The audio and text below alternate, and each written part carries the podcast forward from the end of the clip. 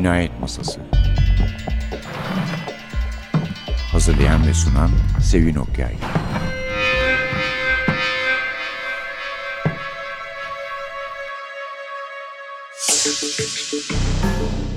Merhaba, NTV Radyo'nun Cinayet Masası programına hoş geldiniz. Biliyorsunuz 23 Nisan aynı zamanda Dünya Kitap Günü çünkü hem William Shakespeare'in doğum günü hem de e, Cervantes'in ölüm yıl dönümü. E, ve Dünya Kitap Günü'nde İngiltere'de okunan 20 kitaptan biri Agatha Christie'nin After the Funeral'ı.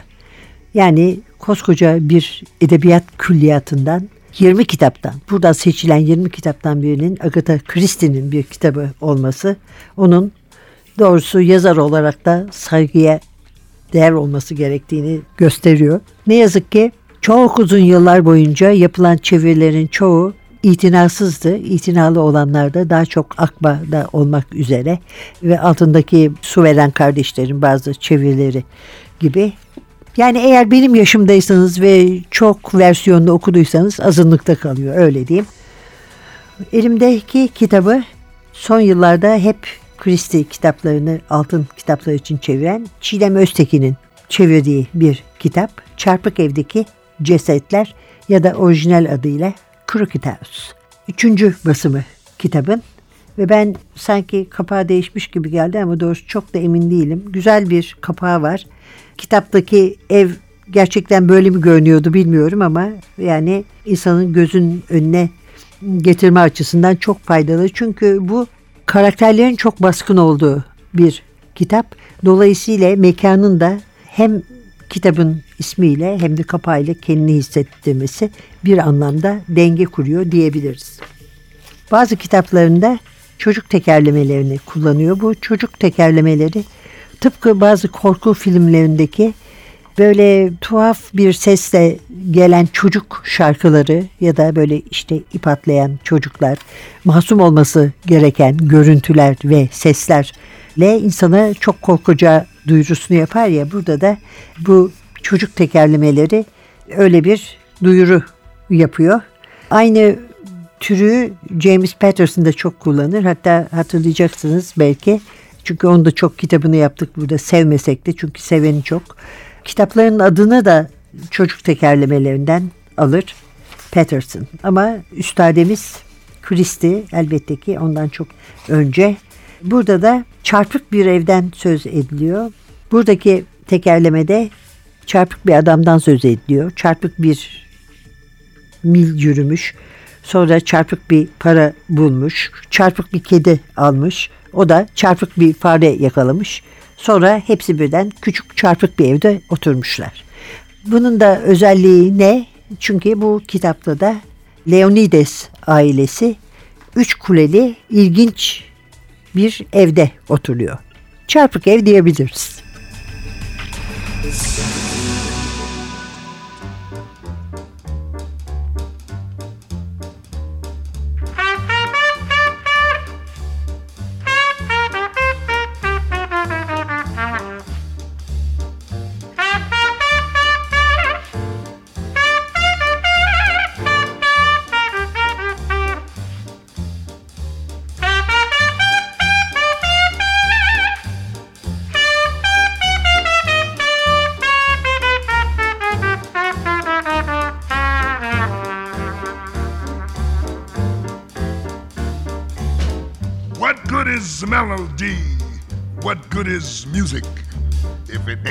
Something sweet?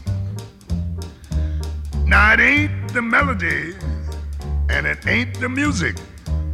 There's something else that makes this tune complete. Yes, it don't mean a thing if it ain't got that swing. Well, don't mean a thing. All you got to do is sing.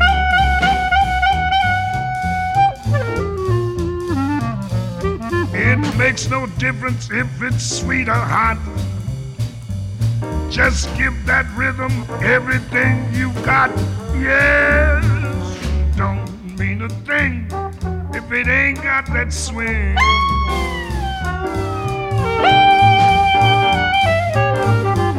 It don't mean a thing, don't mean a thing if you ain't got that swing, boy.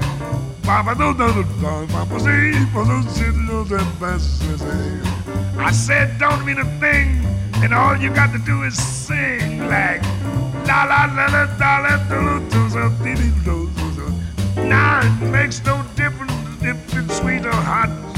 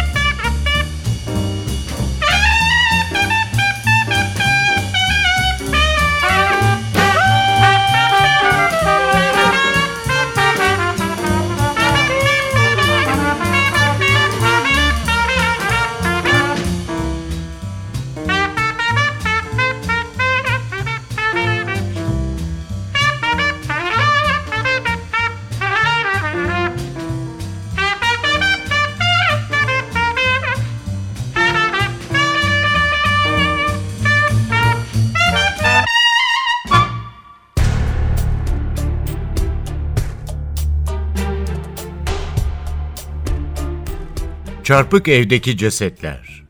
Babam Scotland Yard'da çalışıyordu.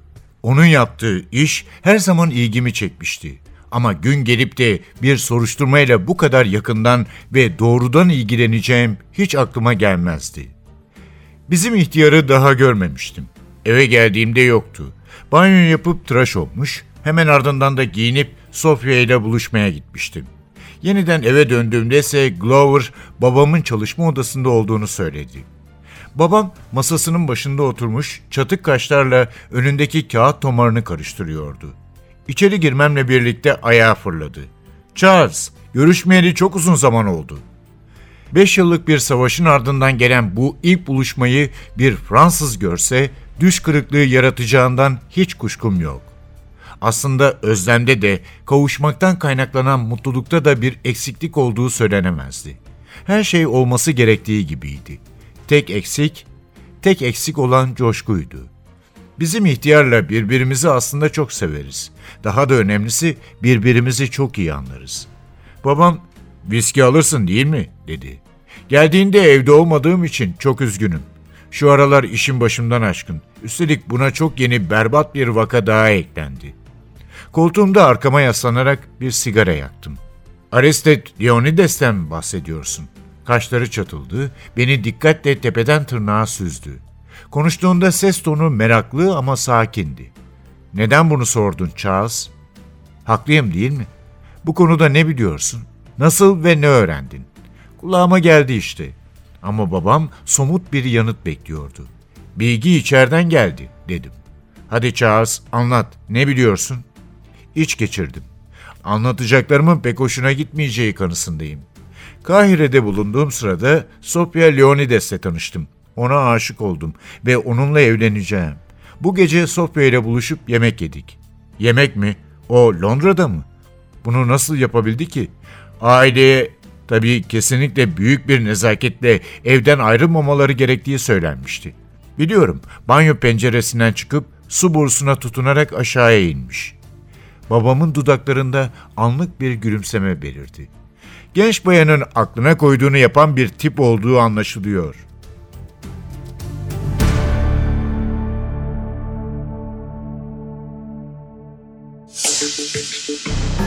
Efendim Çarpık Ev yani Crooked House orijinali 1949'da hem İngiltere'de hem Amerika'da basılmış.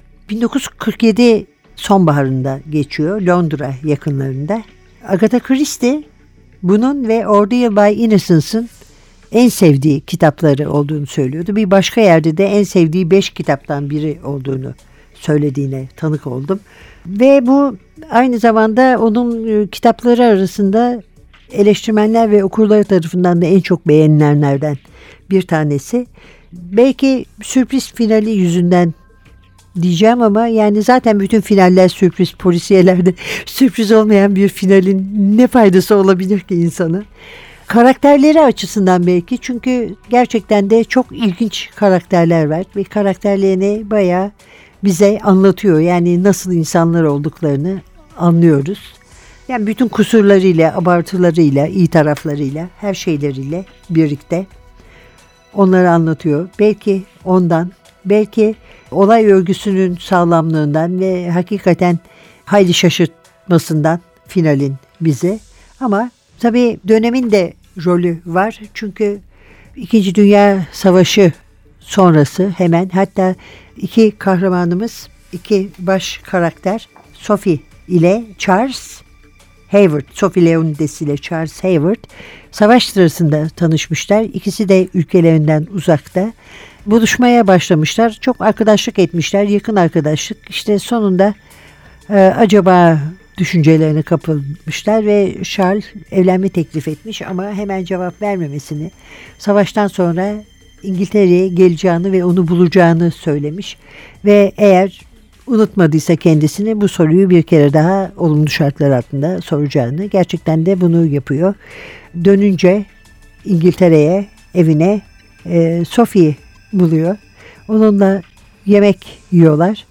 Yani sanki her şey yolunda gidecek gibi ama ertesi günü gazetede bir ölüm ilanı görüyor ve neye uğradığını şaşırıyor Charles. Çünkü Sophie'nin çok çok sevdiği büyük babası, ailenin reisi, ailenin merkezi Aristides Leonidis Yunan asıllı bir İngiliz ölmüş. İşin fena tarafı Sophie bu ölümün şüpheli bir ölüm olduğunu düşünüyor. Ölmediğini, büyük babam aniden ölecek bir adam değildi diyor. Onun doğal nedenlerle ölmediğini, öldürüldüğünü düşünüyor. Bundan şüpheleniyor. Ve eğer böyle bir şey varsa evlenmelerinin de tehlikeye gireceğini hatta gerçekleşmeyeceğini söylüyor. Çünkü sonuçta ailesinden biri olabilir bu cinayeti işleyen ve Charles da kendi işinde yükselen biri bu onun işinde engeller diye düşünüyor ve her şey çözümlendikten sonra yeniden oturup konuşalım diyor. Ve sonunda babası da zaten polis olan Charles onun yardımıyla cinayeti soruşturmaya giden ekiple birlikte çarpık eve gidiyor ve orada anlıyor ki herkesin katil olmasını istediği iki kişi var. Çok yaşlı olan Aristides'in çok genç karısı ve çocukların özel hocası. committed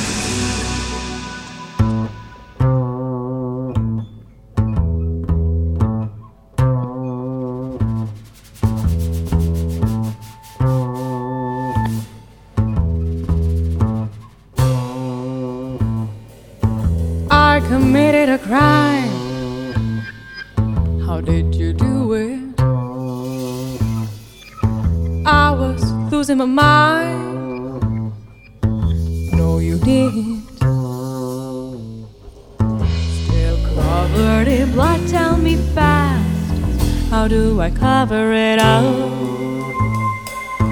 I hear sirens coming my way. We hear it too.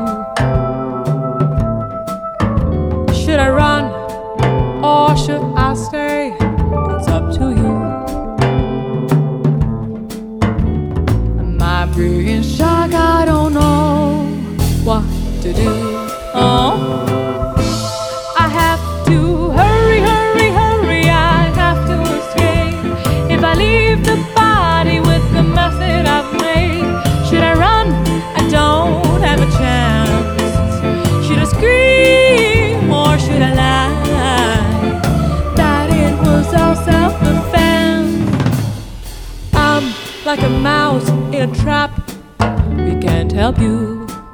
Oh, let me just think clear for one sec, maybe two.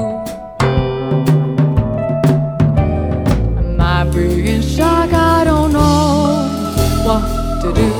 Oh.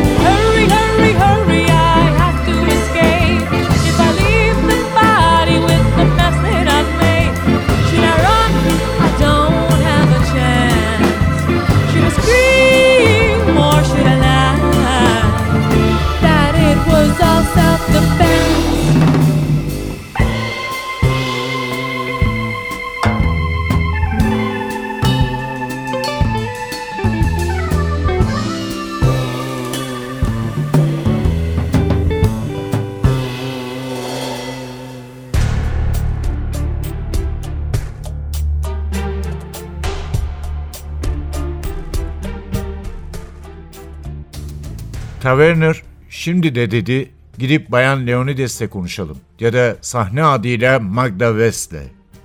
İyi bir aktris mi o diye sordum. Bu ismi anımsıyorum.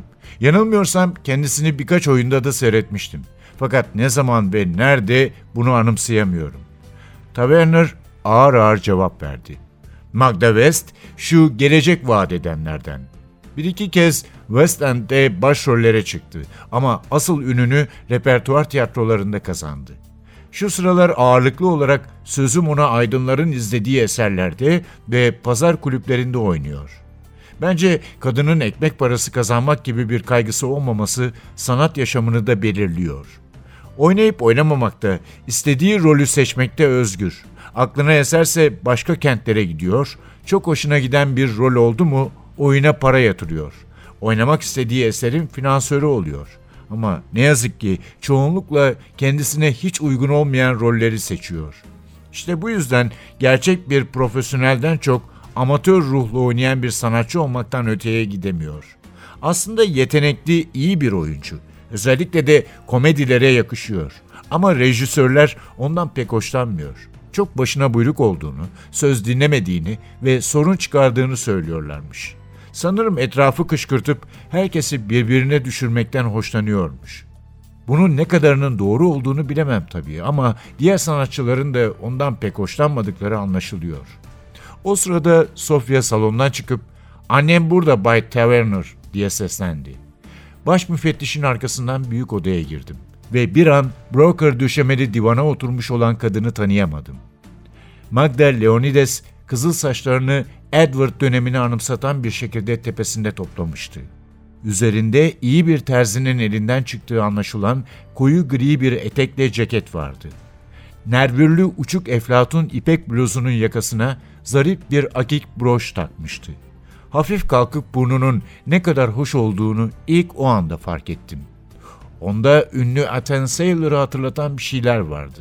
Şimdi karşımdaki bu kadının biraz önce pembe saten sabahlığıyla kütüphaneye dalan ve heyecanla bağırıp çağıran o ateşli yaratık olduğuna inanmak çok zordu. Müfettiş Taverner dedi. Lütfen içeri girip oturun. Sigara alır mıydınız? Bu çok korkunç bir olay. Bu olanlara hala aklım almıyor. Sesi cılız ve duygusuzdu. Ne olursa olsun kendini kontrol etmeye kararlı bir kadın rolündeydi ve her şeyiyle bu role uygundu.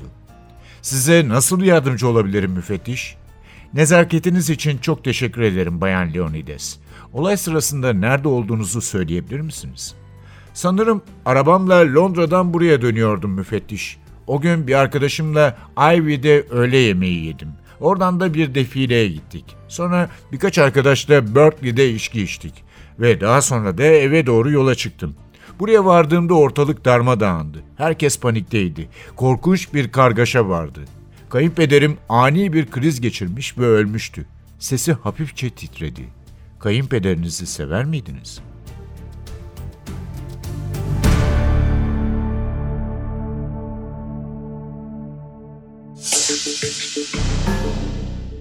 Çarpık evdeki cesetler dediğimiz gibi sürpriz bir finali var doğal olarak. Doğal olandan biraz daha sürpriz diyebilirim ama. Birinci tekil şahıs tarafından anlatılmak gibi bir özelliği var. Yani Charles Hayward tarafından. Kahire'de Sophie ile, Sofia ile tanışmış olan Charles. Başka şöyle bir özelliği var. Esrarı Tuppence'ın, Jane Marple'ın ama esas olarak Hercule Poirot'un çözmediği bir Agatha Christie filmi. Var tabii böyle birkaç tane hatırladığımız. Charles Hayward da onlardan biri ve dediğimiz gibi yazarın en iyi kitaplarından bir tanesi. Zaten karakterlerine hakim bir yazar olduğu için Agatha Christie sadece çok karakterli kitaplarda değil, örneğin Bridge Masasında Cinayet gibi dört suçlu adayı, dört polis ve bir maktulden oluşan çok daha az sayıda karakterli hatta hatta neredeyse psikolojik kitaplarda da aynı başarıyı gösterebiliyor. Çok uzun bir zaman diliminde yazmış olmasına rağmen. Şöyle bir bakacak olursak kimler var? Charles Hayward, Sofia Leonides onları söylemiştik. Herkesin katil olmasını istediği genç üvey anne Brenda Leonides. Sofia'nın annesi bir oyuncu, tiyatrocu, abartı kraliçesi diyebiliriz Magda West. Sofya'nın büyük teyzesi hayli yaşlı Edith de Havilland, Aristide Leonides'in ilk karısının kız kardeşi hiç beğenmemiş bu yabancı, kısa boylu ve çirkin adamın kardeşini kendine aşık etmesine büyülediğini düşünüyor. Oysa öyle bir karizması, bir cazibesi var Leonides'in. Ama kardeşi ölünce çocukları bir Akdenizli'nin eline bırakmamak için kalkmış gelmiş ve onları büyütmüş. Aristide'in oğulları Roger ve Sophia'nın babası olan Philip, öğretmen Lawrence Brown, Roger'ın karısı Clemency, bir bilim kadını, Sophia'nın kardeşleri Eustace ve 12 yaşındaki Josephine, dadı, baş müfettiş Taverner ve elbette Charles'ın babası ihtiyar adam. Scotland Yard'ın başındaki iki numaralı kişi. Çok iyi eleştiriler almış. Mayıs 1949'da çıktığı zaman 49. kitabı aynı zamanda The Observer yazarı Maurice Richardson demiş ki en iyi 7 kitabından bir tanesi. Böyle gruplandırmaları da çok severim yani.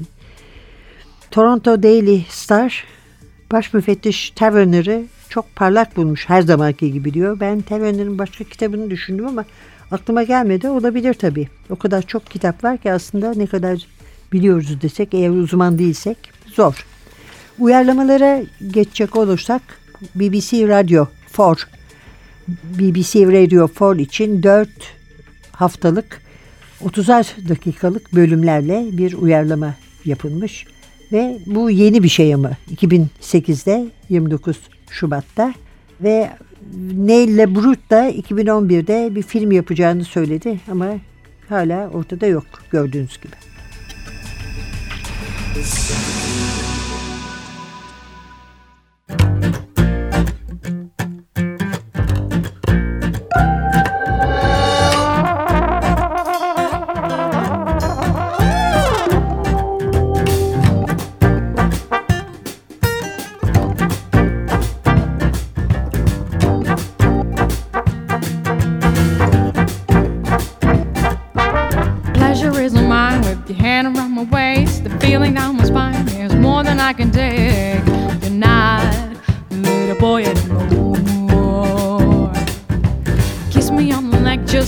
into snow.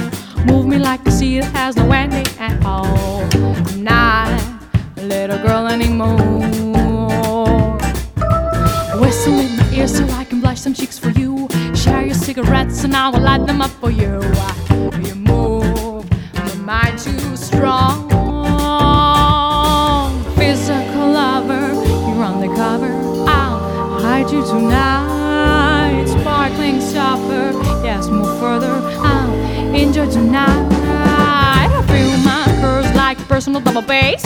I touch me soft like I'm a harp for a day. Let's just hold on. Like the piano, you were dressed in a suit. And if you sound like it, then I will do anything for you. Play my strings on the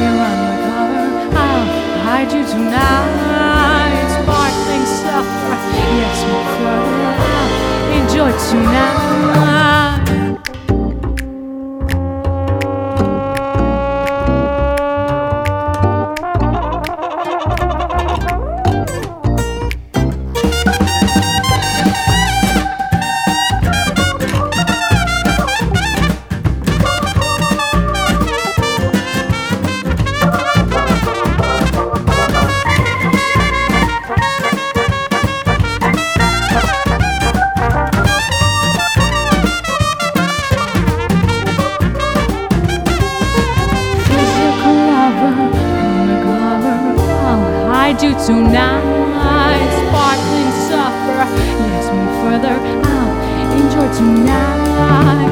Personal lover, you're undercover. I'll give me tonight. Pleasing supper, melting butter. Let's enjoy tonight.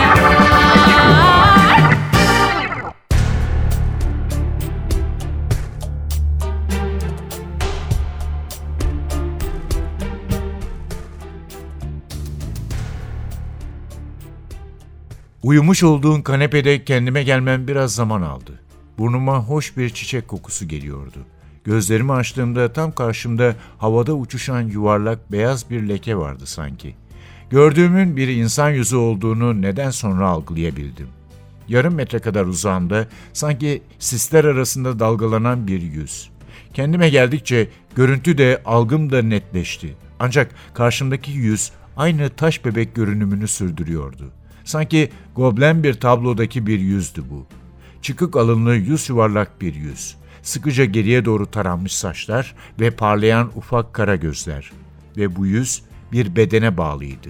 Sıska, ufak tefek bir bedene. Ve bu yüz derin bir merak ve dikkatle beni süzüyordu. Merhaba dedi sonunda. Gözlerimi kırpıştırarak merhaba diye karşılık verdim. Ben Josephine. Bunu zaten anlamıştım.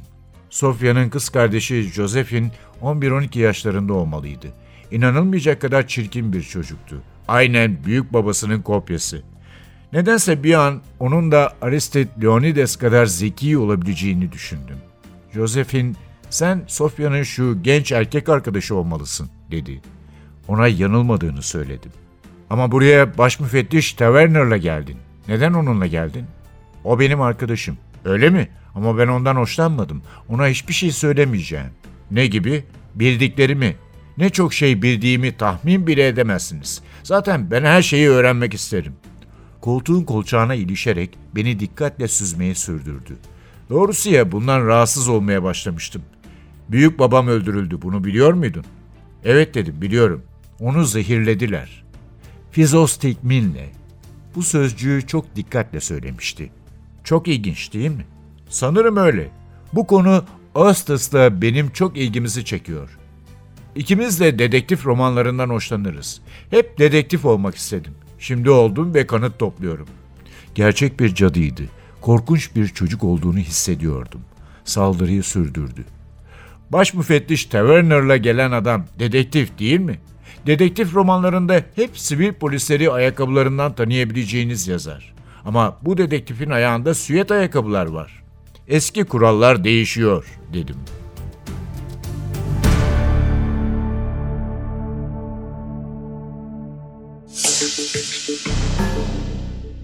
Çarpık evdeki cesetler. Efendim Agatha Christie'nin bir sitesi var. agathachristie.com http agathachristie.com Burada ben sürekli izliyorum. Çünkü hem çok güzel etkinlikler duyuruyor. Yani İngiltere'de olsanız gitmek işten değil. Tabii yer bulabilirsiniz. Çünkü erken başvuran yer bulabiliyor anladığım kadarıyla. Hayli itibar görüyorlar. Mesela Sophie Hannah'la bir görüşme yapmışlar. After the Funeral üzerine. After the Funeral Dünya Kitap Günü'nde okunan 20 kitaptan biri olduğu için. Hannah Poirot'un çıkmak üzere olan devam kitabının yazarı.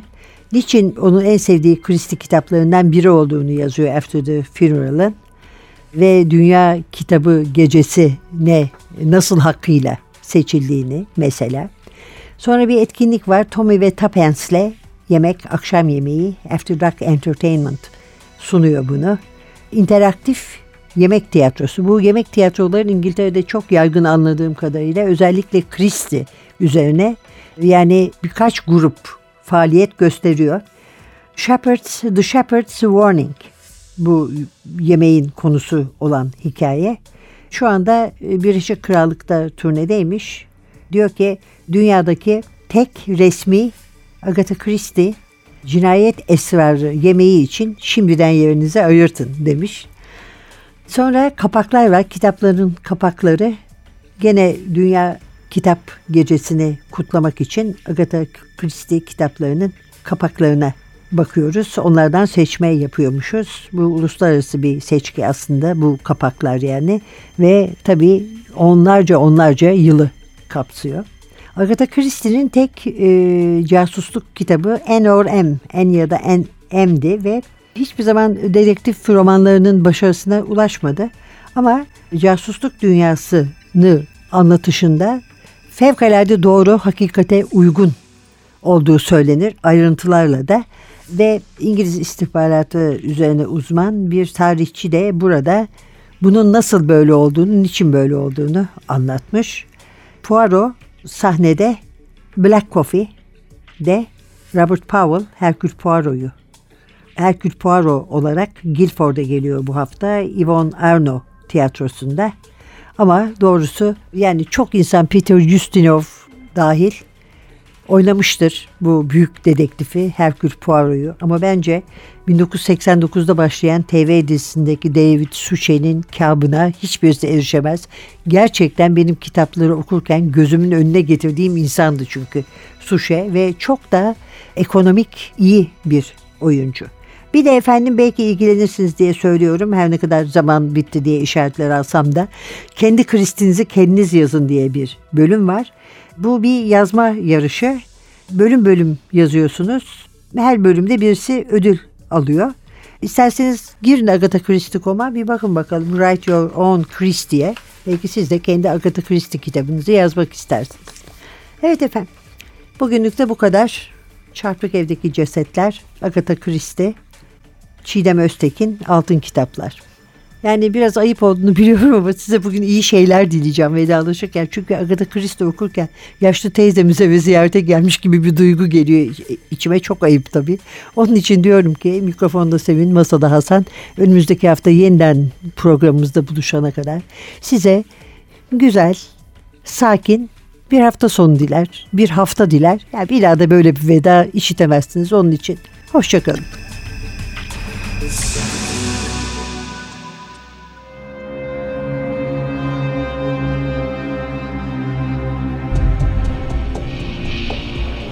Cinayet Masası. Hazırlayan ve sunan Sevin Okyay